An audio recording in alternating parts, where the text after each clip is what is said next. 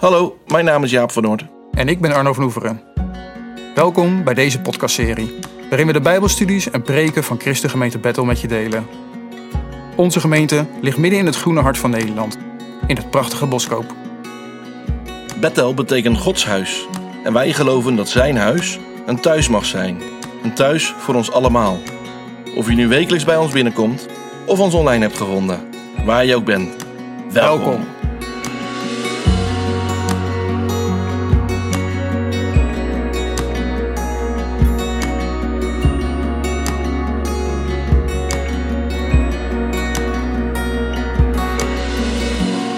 Na de vorige aflevering met vragen en reacties pakken we de draad weer op. Aan het begin van de serie hebben we aan de hand van Handelingen 2 gekeken naar de aspecten van gemeente zijn. In de laatste drie afleveringen van deze serie bespreken we thema's die in handelingen een centrale rol spelen. Principes waarvan wij geloven dat ze belangrijk zijn voor het gemeenteleven en voor elke gelovige. Tijdens deze avonden hebben we het eerste deel van de avond onderwijs gevolgd en zijn daarna in groepjes uit elkaar gegaan om hier met elkaar over te praten. Deze bijzondere en vruchtbare gesprekken zijn niet opgenomen. Vandaar dat deze afleveringen wat korter zijn. De titel van deze aflevering is Wonderen en Ketenen, een bewuste woordspeling. We gaan het hebben over wonderen in het boek Handelingen. Dit is een onderwerp dat erg in het oog springt. Maar er is ook een andere kant. Het gaat niet alleen over wonderen en tekenen, maar ook over wonden en ketenen. Een interessante balans. Zijn wonderen nog voor vandaag? Wat is eigenlijk het doel van wonderen? En hoe gaan we om met wonderen in ons leven? En wat doen we ermee als we juist dat wonder missen? We hopen dat deze aflevering je blik mag richten op een van de grootste wonderen die Jezus in jouw leven heeft gedaan. Welkom allemaal. Fijn dat jullie er weer zijn. Les 6 alweer. Wonderen en ketenen. En dat is geen typfout. We zijn eigenlijk bij het laatste blok aangekomen. We hebben, zijn de, avonden, de serie eigenlijk begonnen met een introductieavond. Vervolgens hebben we drie avonden gehad waarin we ja, naar, dat, belangrijke bijbelgedeelte over de activiteiten van de gemeente hebben ingezoomd, zeg maar. We die als een soort thema's opgepakt hebben we een avond gehouden waarin we gesproken hebben over een aantal vragen die uit de groep waren gekomen. Nu beginnen we aan het laatste blokje. En daarin gaan we het hebben over thema's die, die uh, in de handelingen voorkomen, waar we niet overheen willen gaan. Aan de ene kant. Aan de andere kant ook thema's die Jaap en mij aanspraken in de voorbereiding. Voor, aan het begin hebben we afgesproken van nou, we gaan allebei uh, lekker handelingen doorlezen. En hebben we de ochtend bij Jaap gezeten en gewoon gepraat met z'n tweeën van maar wat, wat is nou eigenlijk opgevallen? Wat, wat, welke dingen denk jij dat belangrijk zijn waar we het over mogen hebben? en daar zijn daar is dit laatste blok eigenlijk een beetje uit voortgekomen. Die, die niet per se een, een, een, een, enorme samenhang met elkaar hebben. Maar die we wel heel belangrijk vinden. En waarvan we het ook vinden, het interessant vinden om met elkaar over in gesprek te gaan. Dus wat we gaan doen in het eerste deel van de avond tot aan de pauze. Weer een stukje onderwijs, zoals we de vorige avond hebben gehad. En daarna gaan we in groepjes uit elkaar uh, over dit thema praten. En, en de dingen die je daarin tegenkomt, waar we het over hebben of waar je zelf tegenaan loopt, of waar je wat van vindt, dat we daar met elkaar in gesprek gaan. Oké, dus dat is uh, de opzet van de avond en een beetje waar we zijn in de serie. Nou, dit uh, stukje kennen we wel. Dat is dat uh, gedeelte uit Handelingen 2, vers 43 tot 47, ongeveer die, die versen waarin we dat, dat parallelisme zagen. Hè? Die, die herhaling van uitspraken, die gaan over de apostelen, die gaan over, over gebed. En die gaan over de onderlinge gemeenschap, daar we die eerste avonden over gehad hebben. Uh, en in die avond over onderwijs zagen we dat onderwijs en wonderen en tekenen tegenover elkaar stonden of bij elkaar hoorden. En in eerste instantie denk je daar vooral waarschijnlijk vrij snel van, maar wat hebben die twee met elkaar te maken? Nou, daar zit een verband tussen, daar gaan we het over hebben. Uh, dus dat is in ieder geval een van de redenen waarom we hiermee verder gaan. Nou, hier zagen we dat, hè, de vers 42 over de apostelen. Ze wijden zich trouw aan het onderricht dat de apostelen gaven. En dan vers 43, zeg maar de paralleltekst. De vele tekenen en wonderen die de apostelen verrichten, vervulden iedereen met ontzag. Nou, de apostelen hebben het in les 4 over gehad. Uh, nou, dan het stukje onderricht, uh, wonderen en tekenen. Wat is dat met elkaar te maken? En we hebben het ook gehad over dat trouw wijden aan en ontzag. Dat er ook een verband tussen zit. Oké, wonderen en ketenen. En ja, dat is dus een woordspeling. En daar ga ik natuurlijk op terugkomen. Want eh, ja, in de voorbereiding hadden we het erover. En hadden we, ja, wonderen en tekenen. Wonderen en tekenen komen veel voor in handelingen. En wat je ziet is dat zeker voor ons als Pinkstergemeente dat een, dat een hot topic is, om het zo maar te zeggen. Dus in het begin hebben we gehad over het boek Handelingen, is populair onder Pinkstergelovigen. Dat is allemaal super logisch, want daarin lezen we over de uitstorting van de Heilige Geest, spreken in tongen, de graaf van de Geest. Nou, dat is kenmerkend voor een Pinkstergemeente, dus het is super logisch dat Handelingen bij ons populair is, om het zo maar te zeggen. Wat ik zelf wel heel erg belangrijk vind als ik, als ik uh, nadenk over wat geloof ik, uh, waar hoor ik bij uh, en, en hoe kan ik mijn geloof uitleggen aan anderen of, of soms verantwoorden. Hè? Want je komt ook wel eens met mensen in gesprek uit een andere, uit een andere kerk of die niet gelovig zijn. En dan zeg je van nou, wat voor gemeente zit je? Christen gemeente Battle. En oh, is een Pinkstergemeente. Oh, oh. En dan vind ik het belangrijk dat ik kan uitleggen wat, een, wat, wat ons nou anders maakt dan andere kerken of überhaupt wat ons anders maakt als gelovigen ten opzichte van niet-gelovigen. Weet je wel, kun je dat uitleggen? Kun je dat, kun je dat goed uitleggen? Uh, en daarom vind ik zo'n onderwerp als dit belangrijk voor ons als Pinkstergelovigen. Dat we daar iets over te zeggen hebben. Nou, die woordcombinatie wonderen en tekenen komen we op deze plek in handelingen tegen. Handelingen 2, uh, 4, 5, 6, 7, 8. Nou, de teksten staan op de, uh, op de PowerPoint. En wat opvallend is dat wonderen en tekenen vaak samen genoemd worden. Het is bijna nooit dat, dat alleen de een genoemd wordt of dat alleen de ander genoemd wordt. Dat vond ik ook heel erg opvallend toen ik naar die woorden ging kijken. denk ik, oké, ze worden eigenlijk altijd samen genoemd. Als je nog gaat kijken, en dan wil ik eigenlijk een beetje meer inzoomen op, op tekenen. Omdat, dat, uh, omdat ik dat eigenlijk een interessantere term vind. En ik ga daar zo op terugkomen. Nou, wat je ziet, dat het, uh, in de grondtekst wordt uh, voor tekenen in het Hebreeuws wordt ot gebruikt. In het Grieks semea.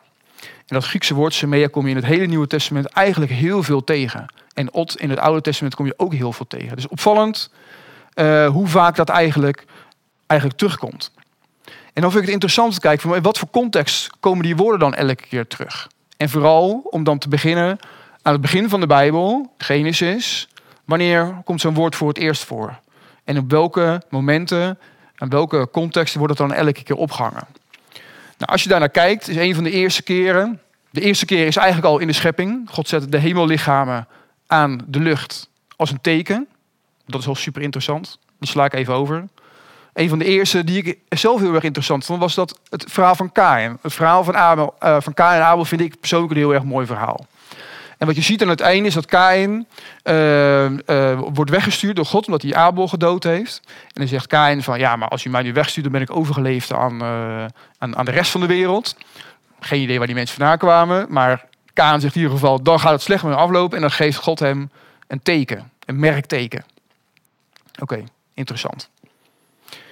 De regenboog wordt ook gezien, komt ook weer hetzelfde woord voor. Hè? Dus als Noach uit de ark komt, uh, zegt God van ik zal de wereld niet meer op, nooit meer op deze manier laten overstromen. En als teken daarvoor geef ik je deze regenboog. Nou, de regenboog zien wij natuurlijk ook regelmatig. Dus dat vond ik ook wel mooi. Van, oh ja, hey, de regenboog, dat is dus een teken. De besnijdenis wordt een teken genoemd. En de wonderen in Egypte. En eigenlijk heel veel dingen rondom Egypte. Überhaupt de bevrijding van het volk Israël uit Egypte is een teken. Oké.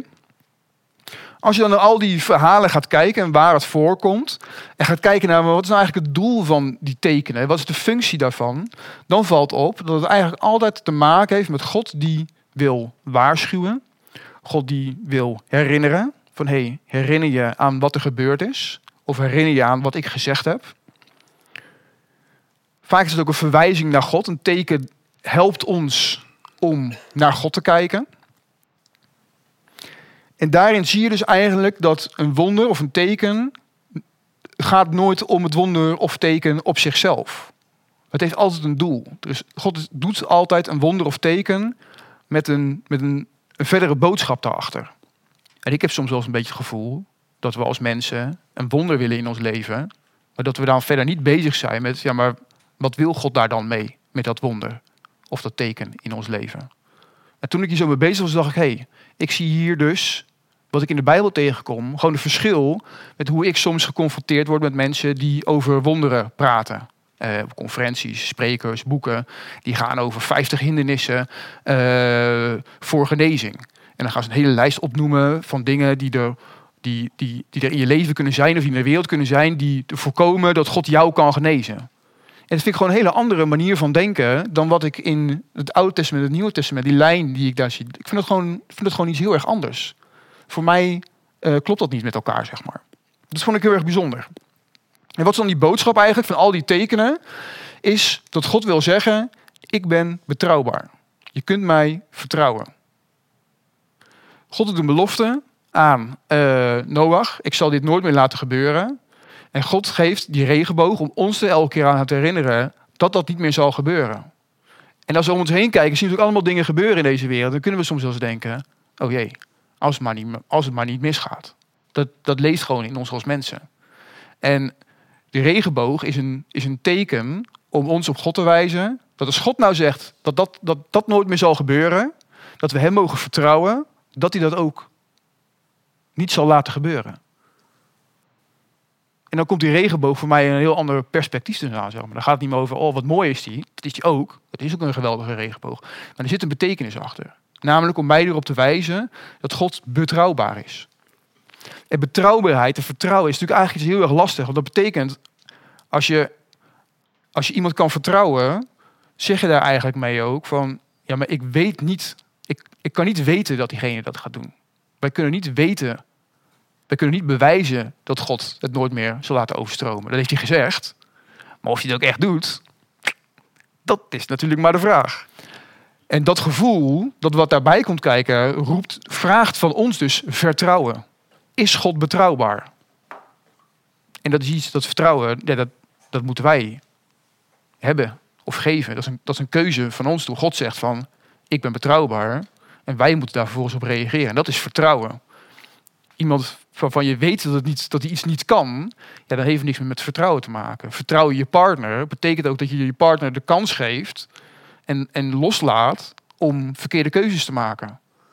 En als je je partner helemaal gaat, gaat inkapselen en, en gevangen houden, je mag hier niet heen, je mag daar niet heen, je mag dat niet vinden, je mag dat niet lezen, je mag daar niet naar kijken, ja, dan is het natuurlijk eigenlijk gewoon, dat voelen we allemaal van ja, dat is een totaal gebrek aan vertrouwen. Maar kan je die ander gewoon het vertrouwen geven?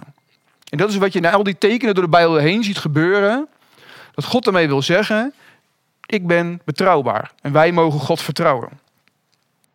Nou, wat dan natuurlijk heel mooi is door de hele verhaal van de Bijbel heen, is dat uiteindelijk in het Nieuwe Testament zien dat Jezus eigenlijk ook een teken wordt genoemd.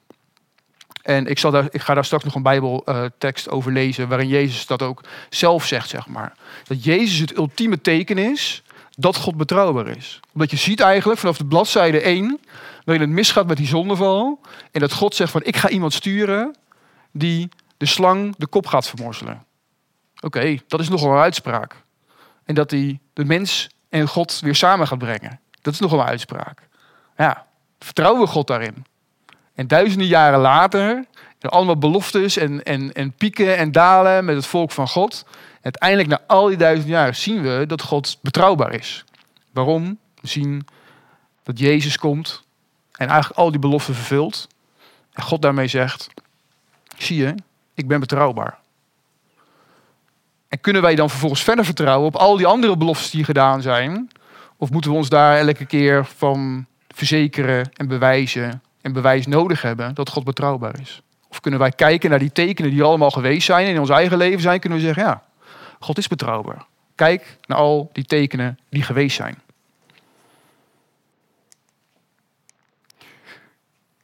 Nou, wat is dan interessant tussen wonderen en tekenen? Ik heb nu iets meer gekeken naar tekenen. Wat is eigenlijk het verschil tussen wonderen en tekenen?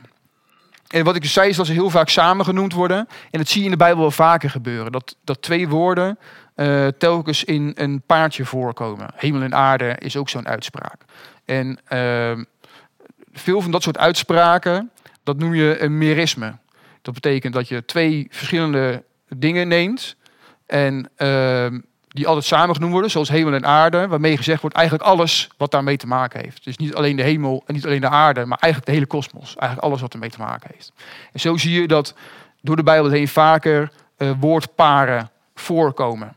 En vaak heeft dat met een, een poëtische, literaire uh, doel heeft dat te maken. En dat zie je hier eigenlijk ook een beetje gebeuren. En wat, dan, wat wij dan heel erg een neiging hebben vanuit ons Grieks analytisch denken, is van, oh, wat is dit? En wat is dat? Wat zijn de exacte verschillen? Maar dat is eigenlijk helemaal niet wat je in die tijd uh, in taal uh, bedoeld was.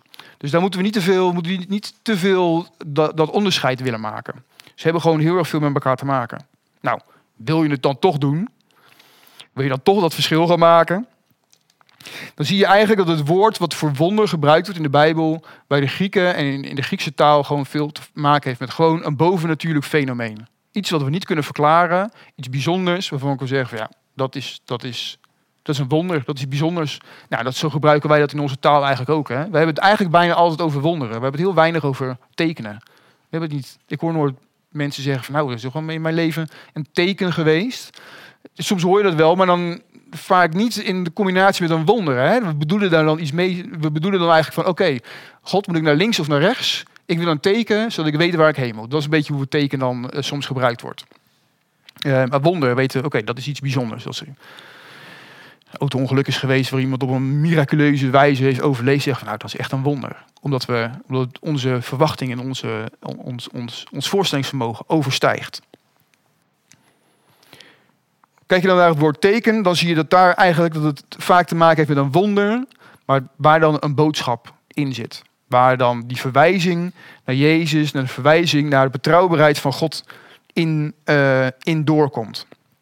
En omdat ze vaak samen genoemd worden, wonderen en tekenen, laat het ook zien dat het uh, God niet om het wonder gaat, maar om het wonder en het teken.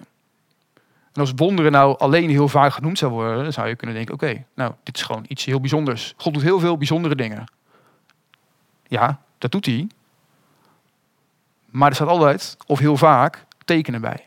Dus we moeten niet alleen kijken naar het wonder, maar vooral misschien nog wel meer kijken. Wat gaat er achter schuil? Wat zegt dit over wie God is? Wat zegt dit over de betrouwbaarheid van God? En wat roept dit bij mij op als het gaat om Godvertrouwen? Nou, wat ik ook erg interessant vond, als je naar, uh, zeker in het boek Handelingen zelf kijkt, wordt er gesproken dat uh, er wonderen door de apostelen heen gedaan worden. En daar staat het Griekse woordje uh, dia bij. En nou, dat kennen we van de dia-projector. Super oud natuurlijk, dus de jongeren onder ons zullen misschien niet weten waar het over gaat. Evert, dat ben jij, je bent de jongste. Ja. ja, wat je ziet is dat een licht door een dia heen schijnt, waardoor het plaatje op, de, op het beeldscherm wordt geprojecteerd. En zo zie je eigenlijk dat wonderen en tekenen door de apostelen heen gebeuren. Het komt niet bij God vandaan. Het heeft ook niks uh, te maken met de, de, de van de apostelen zelf. Het gebeurt door de apostelen heen. En dat komt niet allebei op vertalingen altijd even uh, goed terug. Maar dat ene Griekse woordje vond ik wel erg. Dan denk ik van ja, weet je, het, het, het, zijn, het zijn niet de mensen die de wonderen doen. Het is Gods geest die de wonderen doet. Maar hij, hij mag dat, of hij doet dat soms door mensen heen. En soms bij sommige mensen heel veel. Bij sommige mensen nooit of niet opvallend. Of door sommige mensen heel erg opvallend. Want ja, weet je, wanneer is iets een wonder? Wanneer is iets een teken? Moet dat iets heel erg groot zijn? Uh, of kan het soms ook iets heel erg kleins zijn? Weet je, dat is natuurlijk een, een, een in ons denken hebben wij vaak van grote gebedsgenezers uh, worden op een heel groot voetstuk gezet, omdat ze hele grote wonderen doen. Of God door hun heen doet. Uh, ja, hoe kijken we daar tegenaan? Weet je, het kan heel verleidelijk zijn voor ons denken als mensen om daar dan iets, iets, iets van te vinden. En op het moment dat we ze niet zien, om daar dan op neer te kijken. Hè? Dat hoor je soms ook als, ook als bij ons in de gemeente of in andere gemeentes. Van ja, ja, we zien hier zo weinig dingen gebeuren. En dat hoor ik ook bij mensen in hun leven. Ja, maar ik, ik, ik, zie of ik ervaar God niet in mijn leven. Dat heeft ook altijd heel erg met perspectief te maken. Dat ik wel eens gesprekken met dan denk ik van ja, maar waar kijk je dan naar? Weet je, wat zie je? Wat mis je? Ja, ik zie dit niet, ik zie dat niet. Denk ik ja. Maar is dat dan ook de enige manier waarop God wonderen en tekenen kan doen in jou en mijn leven? Um, ik vind het gewoon ook heel mooi in de samenkomst ik om me heen kijk. En we hebben allemaal zo ons levensverhaal. En voor sommige mensen weet je hun levensverhaal. Weet je waar ze vandaan komen. Dan denk ik, ja, weet je, dat, dat, daar kan ik soms echt al genoeg aan hebben. En denk van wauw, wat een, uh, wat een geweldige groep mensen. Een geweldige groep wandelende wonderen en tekenen zijn we eigenlijk met elkaar.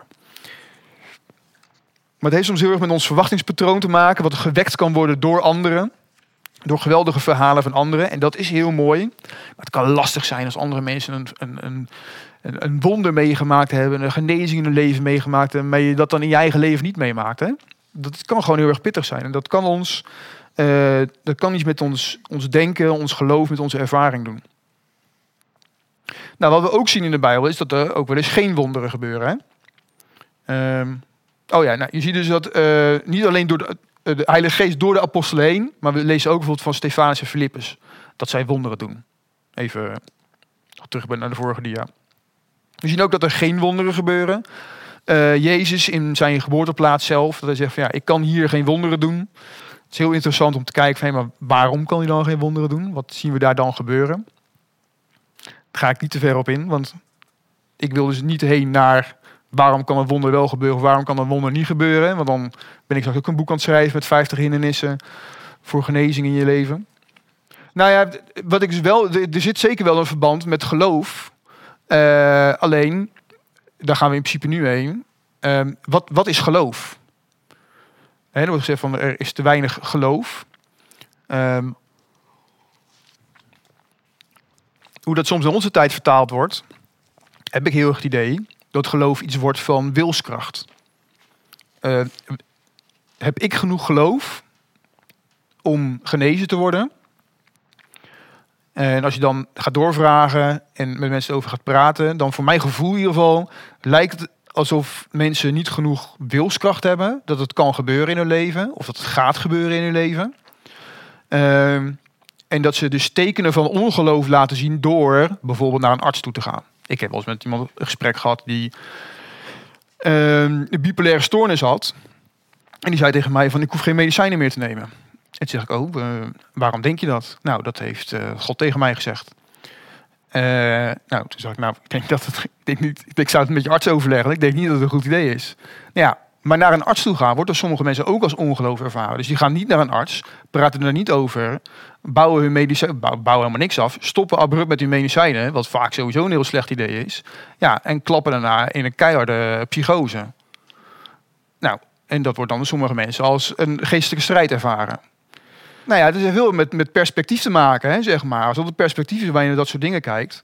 Uh, en, en wat er dan een beetje lijkt te gebeuren, is dat geloof dus een soort van wilskracht is, of mijn voorstellingsvermogen is, uh, waarmee ik een wonder af kan dwingen. Nou, is wilskracht in het leven een hele belangrijke kracht. Uh, voorstellingsvermogen is, kan ook heel goed werken. Uh, maar hoe God werkt, is wel heel wat anders. Wat je dan een beetje, als, als, als die manier van denken, daar heb ik een boek over, hè, The Secret. Dat is een boek dat heel erg populair is geweest. En wat je daarin ziet, is dat als je, maar, als je maar gewoon voorstelt dat je beter bent, of als je maar gewoon in je hoofd voorstelt dat er niks met jou aan de hand is, dan kun je de realiteit veranderen. Dat is wat zij geloven en schrijven. De secret is dus niks, er is niks christelijks aan. Hè? Maar die methode lijkt je soms ook wel eens te zien in, bij genezingscampagnes of bij sprekers of bij schrijvers die over uh, genezing en wonderen praten. Dus het is geen. Je kunt God niet dwingen of manipuleren om iets te veranderen in jouw leven. Dat is gewoon niet zoals het werkt. En zijn wel allemaal trucjes, maar dat zijn geen trucjes waar God van onder indruk is. Of waarmee, waarmee wij God kunnen dwingen. En dat is een beetje wat met deze Bijbelteksten soms gebeurt dat dat op die manier gezien wordt. Geloof is niet een soort, uh, als ik maar heel hard mijn best doe, pop, en dan gebeurt het. Ja, en dan, dan, maak ik een beetje karikatuur van, zeg maar. Maar dat is wel wat ik dan denk van, ja, maar, ja, maar dat is het niet. Um, wat is het dan wel? Nou, een paar teksten waarin we dit zien gebeuren. Um, ik vond dit een, een hele interessant uh, tekstgedeelte. Jezus in gesprek met uh, schriftgeleerden en fariseeën. Ik weet even niet meer wat ervoor gebeurde. Maar het begint in vers, Matthäus 12, vers 38. Begint, Daarop reageerden enkele schriftgeleerden en fariseeën met een vraag. Meester, we zouden graag een teken van u willen zien. Nou, dat is super interessant, hè, die vraag. We willen graag een teken van u zien. Ja, hoezo weet je? Het hele Oude Testament staat vol met tekenen. Wat, daar bedoelde zij iets mee. Hij antwoordde, dit is een verdorven en trouweloze generatie. Ze verlangt een teken, maar zal geen ander teken krijgen dan dat van de profeet Jona. Want zoals Jona drie dagen en nachten in de buik van een grote vis zat, zo zal de mensenzoon drie dagen en drie nachten in het binnenste van de aarde verblijven. Nou, dat van Jona en die drie dagen, drie nachten, dat roept heel veel vragen op. Doe ik helemaal niks mee. Jezus zegt van, ik ben het teken. Het enige teken wat jullie gaan krijgen is dit. Zij wilden, dat, zij wilden wonderen van Jezus zien. Dat is iets wat voor Joden heel erg belangrijk was, om, om wonderen te zien. Dat was dan bewijs dat je uh, een heilige was of dat je wel eens Messias zou kunnen zijn. Paulus zegt het ook hè, in 1 Korinthe van de, de Grieken willen wijsheid en de Joden willen wonderen. Dat is alsof het een soort bewijs is. Alsof Jezus zichzelf moest bewijzen. En Jezus zegt, kijk, zegt van, kijk nou gewoon naar mij. Ik ben het teken. Als je dit, niet, als je, als je dit al niet kan zien, als je dit al niet kan geloven, ja, dan, dan haalt het ook niet uit wat ik doe. Het is toch nooit goed genoeg voor jullie.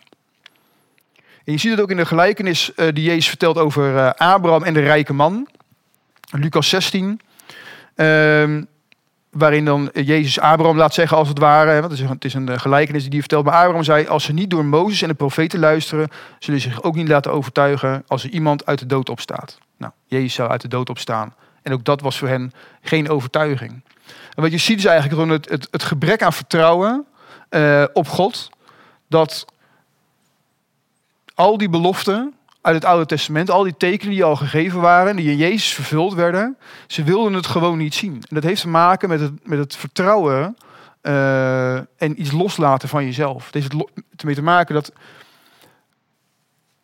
de, verwachtingspatroon van de mensen in die tijd en, en datgene waar zij aan vastzaten, en bij de fariseeën en de schriftgeleerden zie je dat, dat had te maken met macht en met status. En Jezus gooide dat allemaal overhoop. Alles wat zij in hun hoofd hadden zitten, alles wat zij hadden uh, opgebouwd om, om, om controle uit te oefenen en, en uh, te bepalen wie God wel niet was en wat ze allemaal wel niet moesten doen. Zo'n heel imperium opgebouwd voor zichzelf. En Jezus kwam, prikte erheen en alles donderde in elkaar.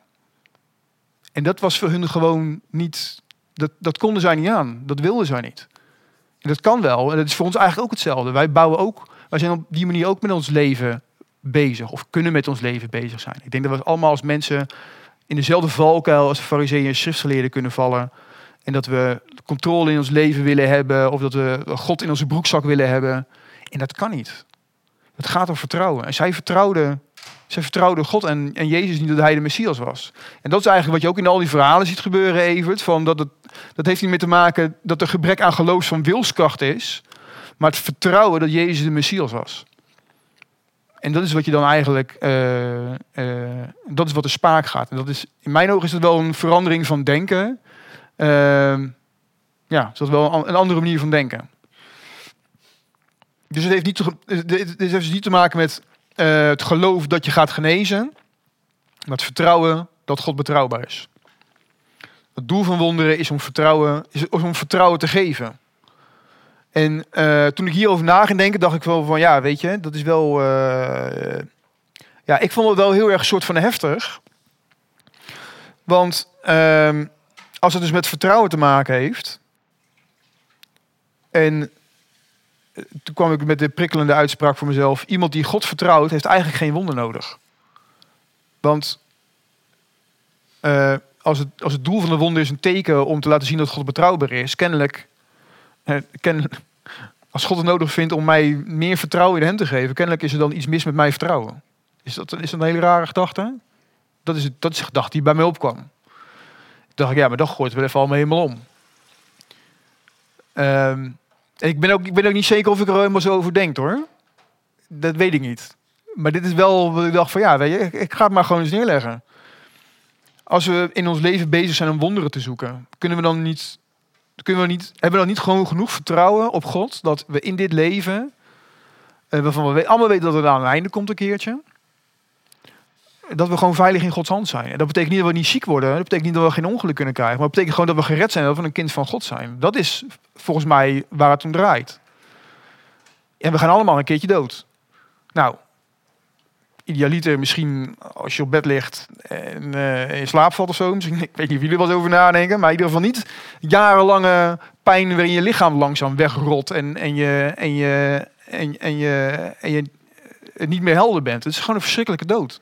Dat gebeurt ook. Er zijn ook mensen die dat. En dan kan je heel veel geloof hebben, maar dat is niet te voorkomen. Sommigen van ons uh, hebben gewoon een heel pittig leven.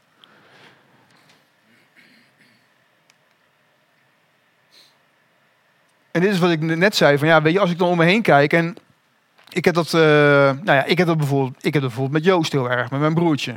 Als die, die drumt natuurlijk regelmatig. Ja, dat, hij is voor mij een wandelend teken. Hij is voor mij een wandelend wonder.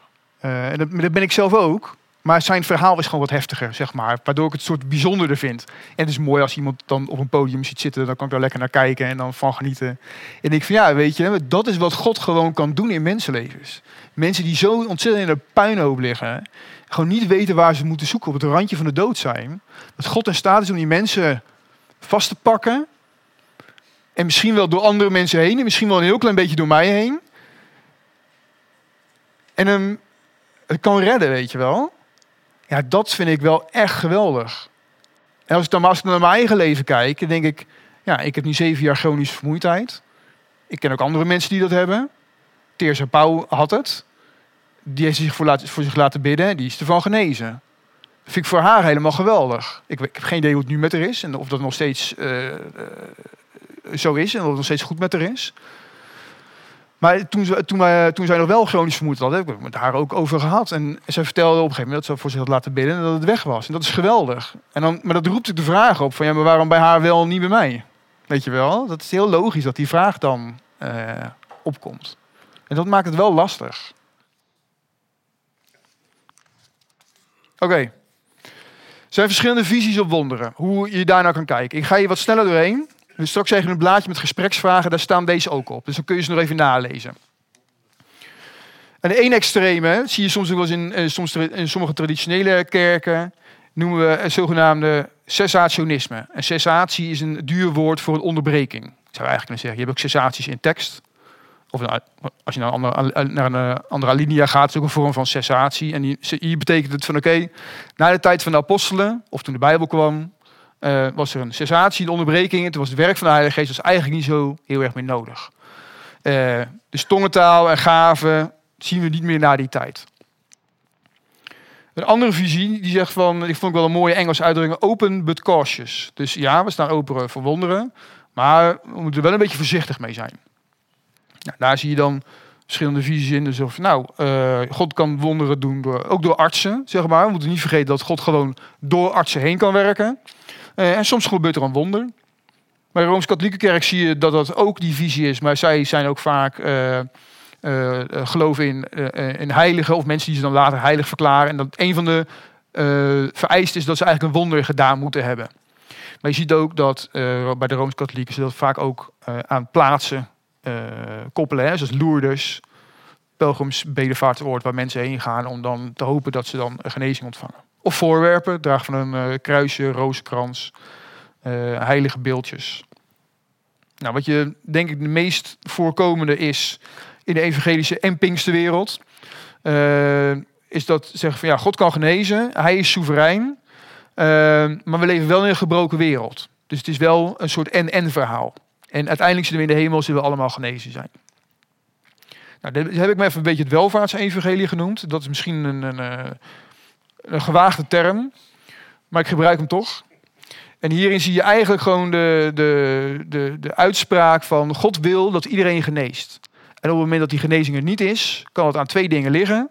Wel meer dingen, maar wat je dan veel vaak ziet van, nou, eigenlijk komt dat omdat er te weinig geloof is. En dat eigenlijk wordt daarmee bedoeld te weinig wilskracht of te weinig uh, overtuigings, uh, verbeeldingskracht dat je eigenlijk al genezen bent. En daarom zie je dan de boekjes van 50 hindernissen tot genezing. Of er wordt gezegd van uh, alle ziektes worden veroorzaakt door demonen.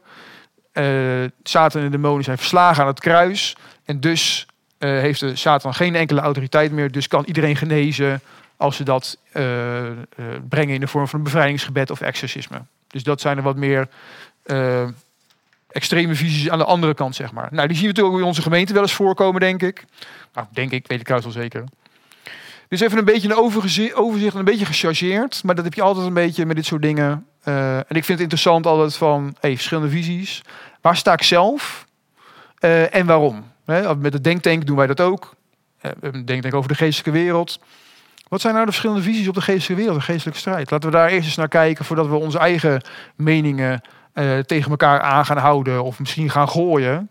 Dan wordt het meer een dialoog, zeg maar. Door inzicht te krijgen in de verschillende visies die er zijn geeft mij altijd een soort van ruimte van, oh oké, Er zijn mensen die er anders over denken. En dat mag ook. Je mag er ook anders over denken. Geef een stukje ruimte voor mij. Oké. Dus dat ik heel veel invloeden die maken dat je uh, op een bepaalde manier denkt. Je hoort bij een bepaalde visie. Hoe komt dat? Nou, het kan te maken hebben met de manier hoe je de Bijbel uitlegt. Het kan te maken hebben, ik ga hier even wat sneller overheen. Het heeft te maken met Gods voorzienigheid. Hè? Dus wat je zegt van uh, alles wat gebeurt is Gods wil. Ook als ik ziek ben. zie je meer een beetje de reformatorische, hè? de vaccinatie. Ik laat me niet vaccineren, want als ik ziek word, dan is het Gods wil. Nou, je, visie die je daarop hebt, heeft ook invloed hoe je denkt over wonderen en tekenen en dat soort zaken. De gedachte van, hé, hey, we leven in een gebroken wereld. Maar uh, ja, hoe, hoe breng je dat dan in de praktijk? Heeft ook een hele grote invloed op hoe je uh, denkt over wonderen in je leven. En wat is er, wat, welke rol spelen de verschillende uh, bronnen van ons denken mee? Uh, hoe belangrijk is de Bijbel in je leven bijvoorbeeld? Of hoe belangrijk zijn getuigenissen in je leven? Of hoe belangrijk is de wetenschap in jouw leven? Artsen hebben een bepaalde mening over ziektes. Maar er zijn ook mensen die verhalen hebben over wonderen en getuigenissen. Ja, en dat rijpt niet altijd bij elkaar. En als je er de Bijbel nou eens bij trekt, dan, dan botst dat soms met elkaar. En moet je soms een soort van keuze maken. Van waar laat ik me nou het meest door beïnvloeden? En nou, dat, dat speelt bij ons allemaal anders.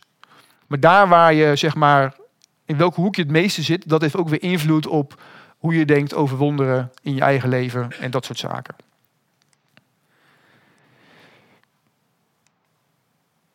Oké, ketenen. Uh, zowel Harry als uh, André, volgens mij, als ik me goed herinner, zeggen van ja, maar er gebeuren ook handelingen in het boek Handelingen. Het is heel interessant om het boek Handelingen te lezen en je niet te focussen op de wonderen en tekenen, maar juist op die, op die andere kant, op die schaduwzijde. En het is ontzettend heftig wat je allemaal ziet gebeuren eigenlijk. Als je daar een rij, als je dat op een rijtje zet allemaal, uh, en ik heb de meest voorkomende maar eens neergezet, gewoon het onbegrip en de spot die ze over zich heen kregen. Uh, ja, dat is gewoon heftig. Gewoon gepest worden eigenlijk. Ik weet niet of jullie wel eens gepest zijn. Ik ben vroeger als kind gepest. Dat is een, enorme uh, indruk. Dat, is, dat heeft een enorme invloed op je ontwikkeling. En uh, je voelt je niet bij, je voelt je eenzaam. Gewoon onbegrip en spot in het leven. Gevangenschap. Nou, ze worden heel vaak gevangen gezet. En de laatste zeven hoofdstukken van handelingen zit Paulus alleen maar in de gevangenis. Zeven hoofdstukken.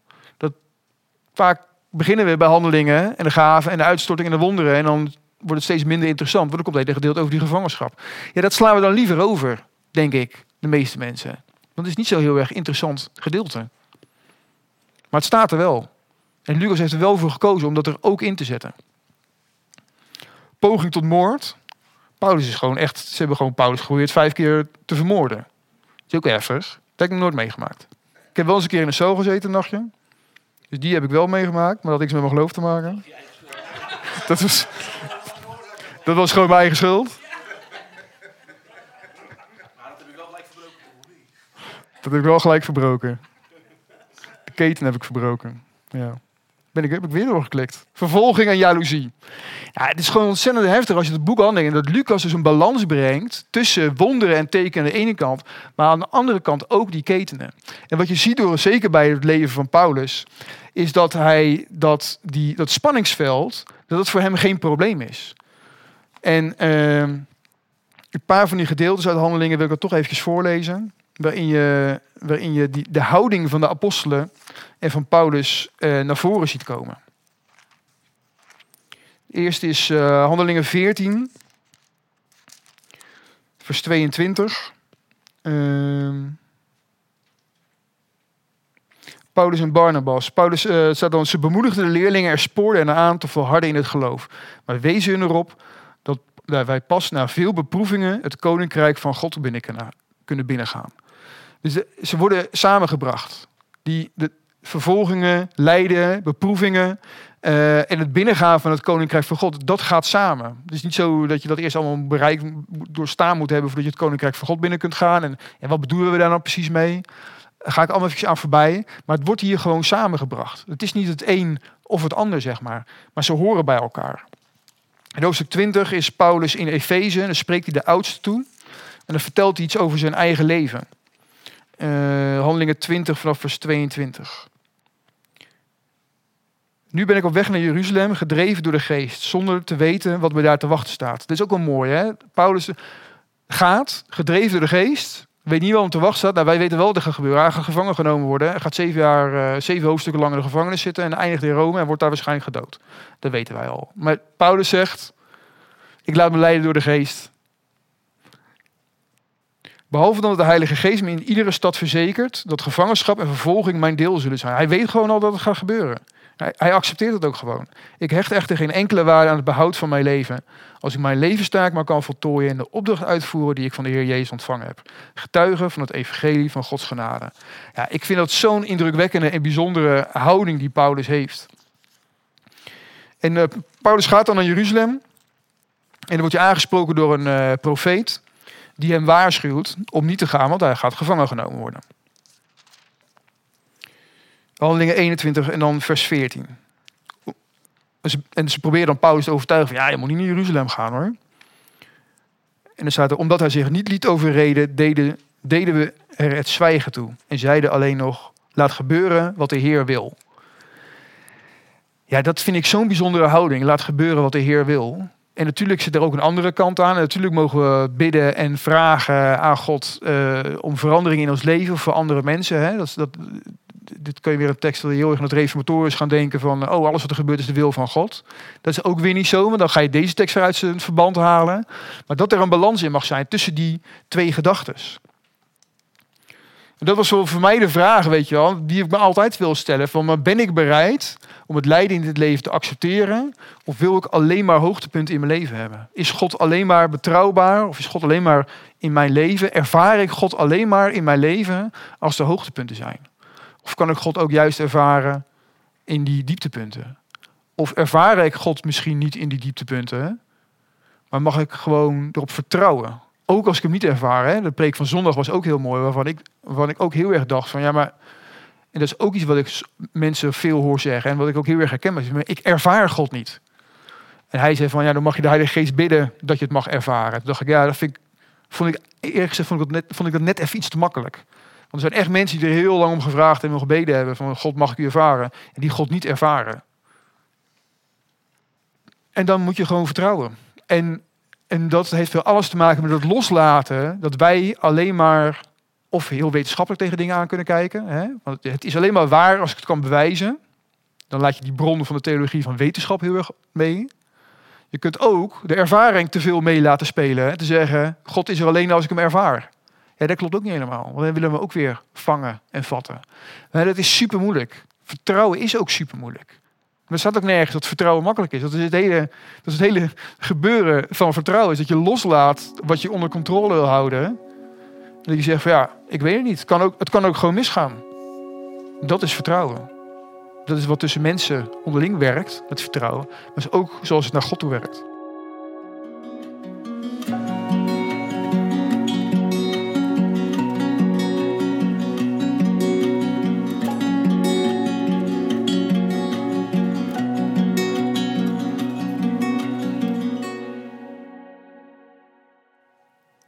Nou, ik hoop dat jullie een goede tijd hebben gehad en dat het, dat het heeft geholpen om naar elkaar te luisteren, reflecteren hierover en uh, dat je wat mogen delen met elkaar. Ik wil afsluiten met, uh, er zijn al een paar dingen genoemd. Bij ons in het groepje werd het ook eventjes gezegd van, ja, soms in de Bijbel lezen dat de bedoeling is dat christenen lijden. We wel eens van dat soort bijbelteksten tegengekomen.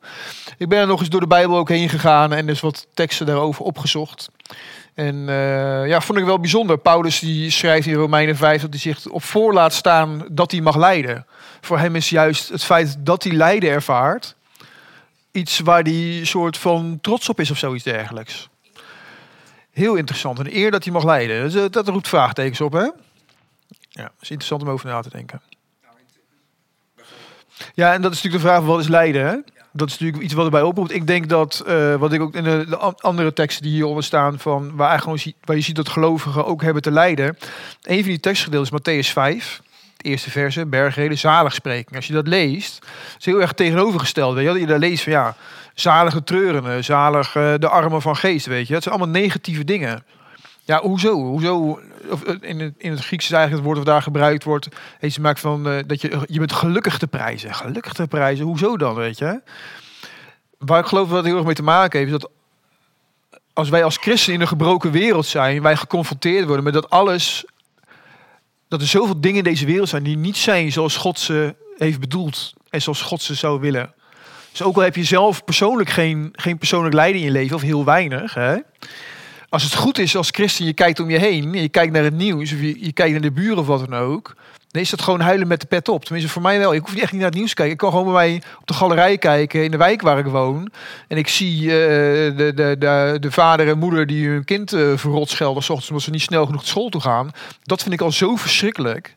Dat vind ik al zo erg. En dat vind ik ook een vorm van lijden, weet je. En, en ik denk dat dat, dat een christen heeft in ieder geval altijd die vorm van lijden. Gewoon dat je ziet dat het niet is zoals God het bedoeld heeft. Dat die eerste woorden bij God van de schepping, hij zag dat het goed was en het is niet meer goed. Dat, die confrontatie op zich vind ik gewoon al heel wat. Wat ik ook heel mooi vind, de teksten die zeggen van ja, lijden hoeft dus geen invloed te hebben met onze, op onze relatie met God. Hè? Bekende teksten Romeinen, dat er nog krachten, nog machten, nog weet ik veel wat ons uh, kunnen weerhouden. Ze kunnen scheiden van de liefde van God. Weet je? Dan denk ik ja, dat is een hele heftige tekst. Maar ik geloof dat wel echt. Met alles wat erbij komt kijken en alle, alle, alle moeilijkheden. Maar ik geloof dat wel echt. Dat het, dat, het, dat het niet. Het hoeft daar geen invloed op te hebben. Het kan juist een positieve invloed op hebben. Ook twee, over twee uh, gedachten hierbij die ik uh, andere, tegenkom in andere Bijbelteksten. Je ziet, je ziet dat, dat uh, Paulus ook zegt van het lijden in deze wereld niet in verhouding staat met het eeuwige leven. Met de, de schoonheid en de glorie van, van de hemel. Ja, daar kan ik me heel weinig bij voorstellen. Maar dat is wel iets waar ik me dan aan vast kan houden of zo. Wat hoop geeft. En wat ook weer met dat vertrouwen te maken heeft. En zo erg is mijn lijden niet. Maar als ik naar sommige mensen kijk, denk ik zo. Maar die hebben het echt wel heel erg zwaar, weet je. En dan zijn dit wel moeilijke bijbelteksten. En vraagt wel heel veel vertrouwen om je hier aan vast te houden. Maar ze staan er. Ik geloof erin. Um, het lijden duurt maar even. Het is tijdelijk iets. En in deze tekst die hier uh, gesproken wordt, van 2 Korinthe en 1 Petrus, staat dat God kracht geeft en moed, maar dat wij dat dus ook aan elkaar mogen doen. Weet je wel? En daar zit dan die opdracht voor elkaar, dat we elkaar mogen bemoedigen, dat we elkaar kracht mogen geven, dat we voor elkaar mogen bidden. Uh, en dat vind ik gewoon, gewoon heel erg bijzonder. Dus we kunnen gewoon de problemen van een ander vaak niet oplossen, want wij zijn Jezus niet. Ik, ik zie dat nu ook weer bij iemand uh, waar ik laatst mee sprak, die tegen problemen op het werk aanliep, de machteloosheid van de patiënten waar die mee om moet gaan. En gewoon, ja, sommige mensen zitten zo verschrikkelijk in de knoop met zichzelf. En als je daar dan mee werkt en je wilt ervoor zijn voor die mensen, dat je gewoon op een gegeven moment stopt het gewoon. Op een gegeven moment, ja, zijn mensen die proberen een einde aan hun leven te maken, zo in de knoop zitten. Ja, wat kan je dan doen? Ja, helemaal niks, weet je. En dan zeg je, ja, maar jij, jij bent ook Jezus niet. Jij kan het niet oplossen voor ze. Er zijn heel veel dingen die je wel mag doen en kan doen, maar je bent gewoon begrensd. En we moeten gewoon onze grenzen daarin erkennen. En het aan God geven en het aan Hem overlaten. En het laatste Bijbeltekst, Bijbelgedeelte, wat die ik altijd zelf wel heel erg geweldig vind, is uh, in die laatste hoofdstukken van de Bijbel. Openbaring 21, vers 1 tot 4. Visioen wat Johannes uh, krijgt. Ik zag een nieuwe hemel en een nieuwe aarde. Dat vind ik al geweldig. Want de eerste hemel en de eerste aarde zijn voorbij en de zee is er niet meer. Toen zag ik de heilige stad, het nieuwe Jeruzalem, uit de hemel neerdalen bij God vandaan. Ze was als een bruid die zich mooi heeft gemaakt voor haar man en hem opwacht. Ik hoorde een luide stem vanaf de troon die uitriep: Gods woonplaats is onder de mensen. Hij zal bij hen wonen. Zij zullen zijn volken zijn. En God zelf zal als hun God bij hen zijn. Hij zal alle tranen uit hun ogen wissen. Er zal geen dood meer zijn, geen rouw, geen jammerklacht, geen pijn. Wat er is, wat, wat er eerst was, is voorbij. En dat vind ik altijd zo mooi. Dat is iets waar we naar uit mogen kijken, waar we mogen vertrouwen en waar we hoop uit mogen putten. En toen ik hierover nadacht vanmiddag, moest ik ook heel erg denken aan 1 Korinthe 13. Dat is het bekende hoofdstuk over de liefde.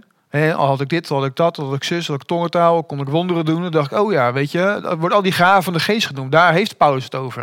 Want in Korinthe speelde dat. De gaven van de geest waren super belangrijk. Wat Paulus zegt, wat veel belangrijker is, is liefde, geloof en hoop. En het belangrijkste van de geloof, uh, de liefde. zeg ik nou. Maar ook, maar ook die andere twee, hoop, waar je aan vast kan houden. En het geloof in die tussentijd. En dat zongen we ook zondag. Hè? God maakt vrij. Prachtig lied. En daar zingen we dan. God maakt vrij. In die hoop leven wij. Weet je? Het, het, het is hoop. Het, het, is er nog niet. je hoopt het, je gelooft het. Dat is moeilijk. Maar het is wel echt waar. Oké, bedankt. Zullen we afsluiten? Trouw God in de hemel willen danken voor wie u bent. Dat u een grote God bent. Dat u ons gemaakt heeft. Dat u deze prachtige schepping gemaakt heeft.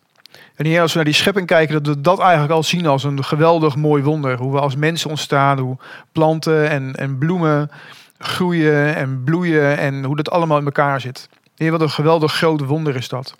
De regenboog, mensen om, ons heen die we zien, de ervaring die we hebben met elkaar, de manier hoe we elkaar mogen optrekken, hoe, eh, hoe relaties soms hersteld mogen worden. Heer, er zijn zo ontzettend veel wonderen in deze wereld. En we willen u daarvoor danken. U bent echt een ontzettende, bijzondere en grote God, Heer. En we willen niet aan die kleine, tussen aanhalingstekens, kleine wonderen voorbij gaan. Het zijn geen kleine wonderen. Het zijn allemaal tekenen, signalen die ons naar u verwijzen. En uw boodschap aan ons, dat u zegt, ik ben betrouwbaar. Vertrouw maar gewoon op mij. Ondanks alles, door alles wat je heen gaat, door al het lijden wat je soms meemaakt en wat je om je heen ziet, vertrouw maar op mij. En ik vind dat een bijzondere boodschap en ik vind het ook, ik vind het ook moeilijk. De Heer willen vragen of u ons ook geloof wil geven. Dat u ons hoop wil geven. Dat u ons wil vullen met uw liefde, Heer. Want we hebben dat soms zo ontzettend hard nodig. Om vol te mogen houden. Heer, wilt u onze moed en kracht geven door uw Heilige Geest. Dat u op die manier in ons leven blijven werken. Dat we altijd onze ogen op u mogen houden. Dat we niet te veel naar onze omstandigheden mogen kijken, zullen kijken. Maar dat we onze hoop altijd op u willen, willen stellen. De Heer willen bidden ook voor iedereen die hier vanavond is. En eigenlijk voor iedereen bij ons in de gemeente. Heer, want er is heel veel lijden. En we geloven ook dat u een God van wonderen bent. Dat u een God van genezing bent. Dat u in staat bent om in elke situatie, hoe hopeloos en wanhopig die ook lijkt, Heer, dat u daar verandering kunt, kunt brengen. U bent een God die bevrijdt, u bent een God die geneest. Heer, en we willen u daar zo voor danken. We willen vragen voor iedereen in de gemeente die ziek is. Voor iedereen die hier vanavond aanwezig is. Heer, wilt u ons aanraken met uw Heilige Geest. Niet omdat we willen dat iets bijzonders gebeurt. Niet omdat we daarop willen richten. Maar dat we zo graag een teken van u willen zien. Niet dat we dat nodig hebben. Maar we dat gewoon heel, heel graag elkaar toewensen. En omdat we dat lijden zien. En dat het soms zo ontzettend heftig is. Heer, wilt u ons genezen met uw genezende hand. Heer, dat bidden we u in Jezus' naam. Ik wil vragen of u met ons mee wilt gaan vanavond als we naar huis toe gaan. Als we teruggaan naar ons eh, leven. Een situatie waar we in mogen zijn. Heer, dat wij een, een wandelend wonder in het leven ook van andere mensen mogen zijn. Niet alleen het wonder in ons eigen leven, maar dat wij misschien een rol mogen spelen in die levens van andere mensen. Door moed te geven, door kracht te geven, door een arm om iemand heen te slaan. Door te getuigen van wie u bent. Heer, dat bidden we u in Jezus' naam. Amen. Bedankt dat je hebt geluisterd naar deze podcast. De volgende keer gaan we verder met deze serie over handelingen. Audio, productie en muziek wordt verzorgd door Ruben van der Lagemaat.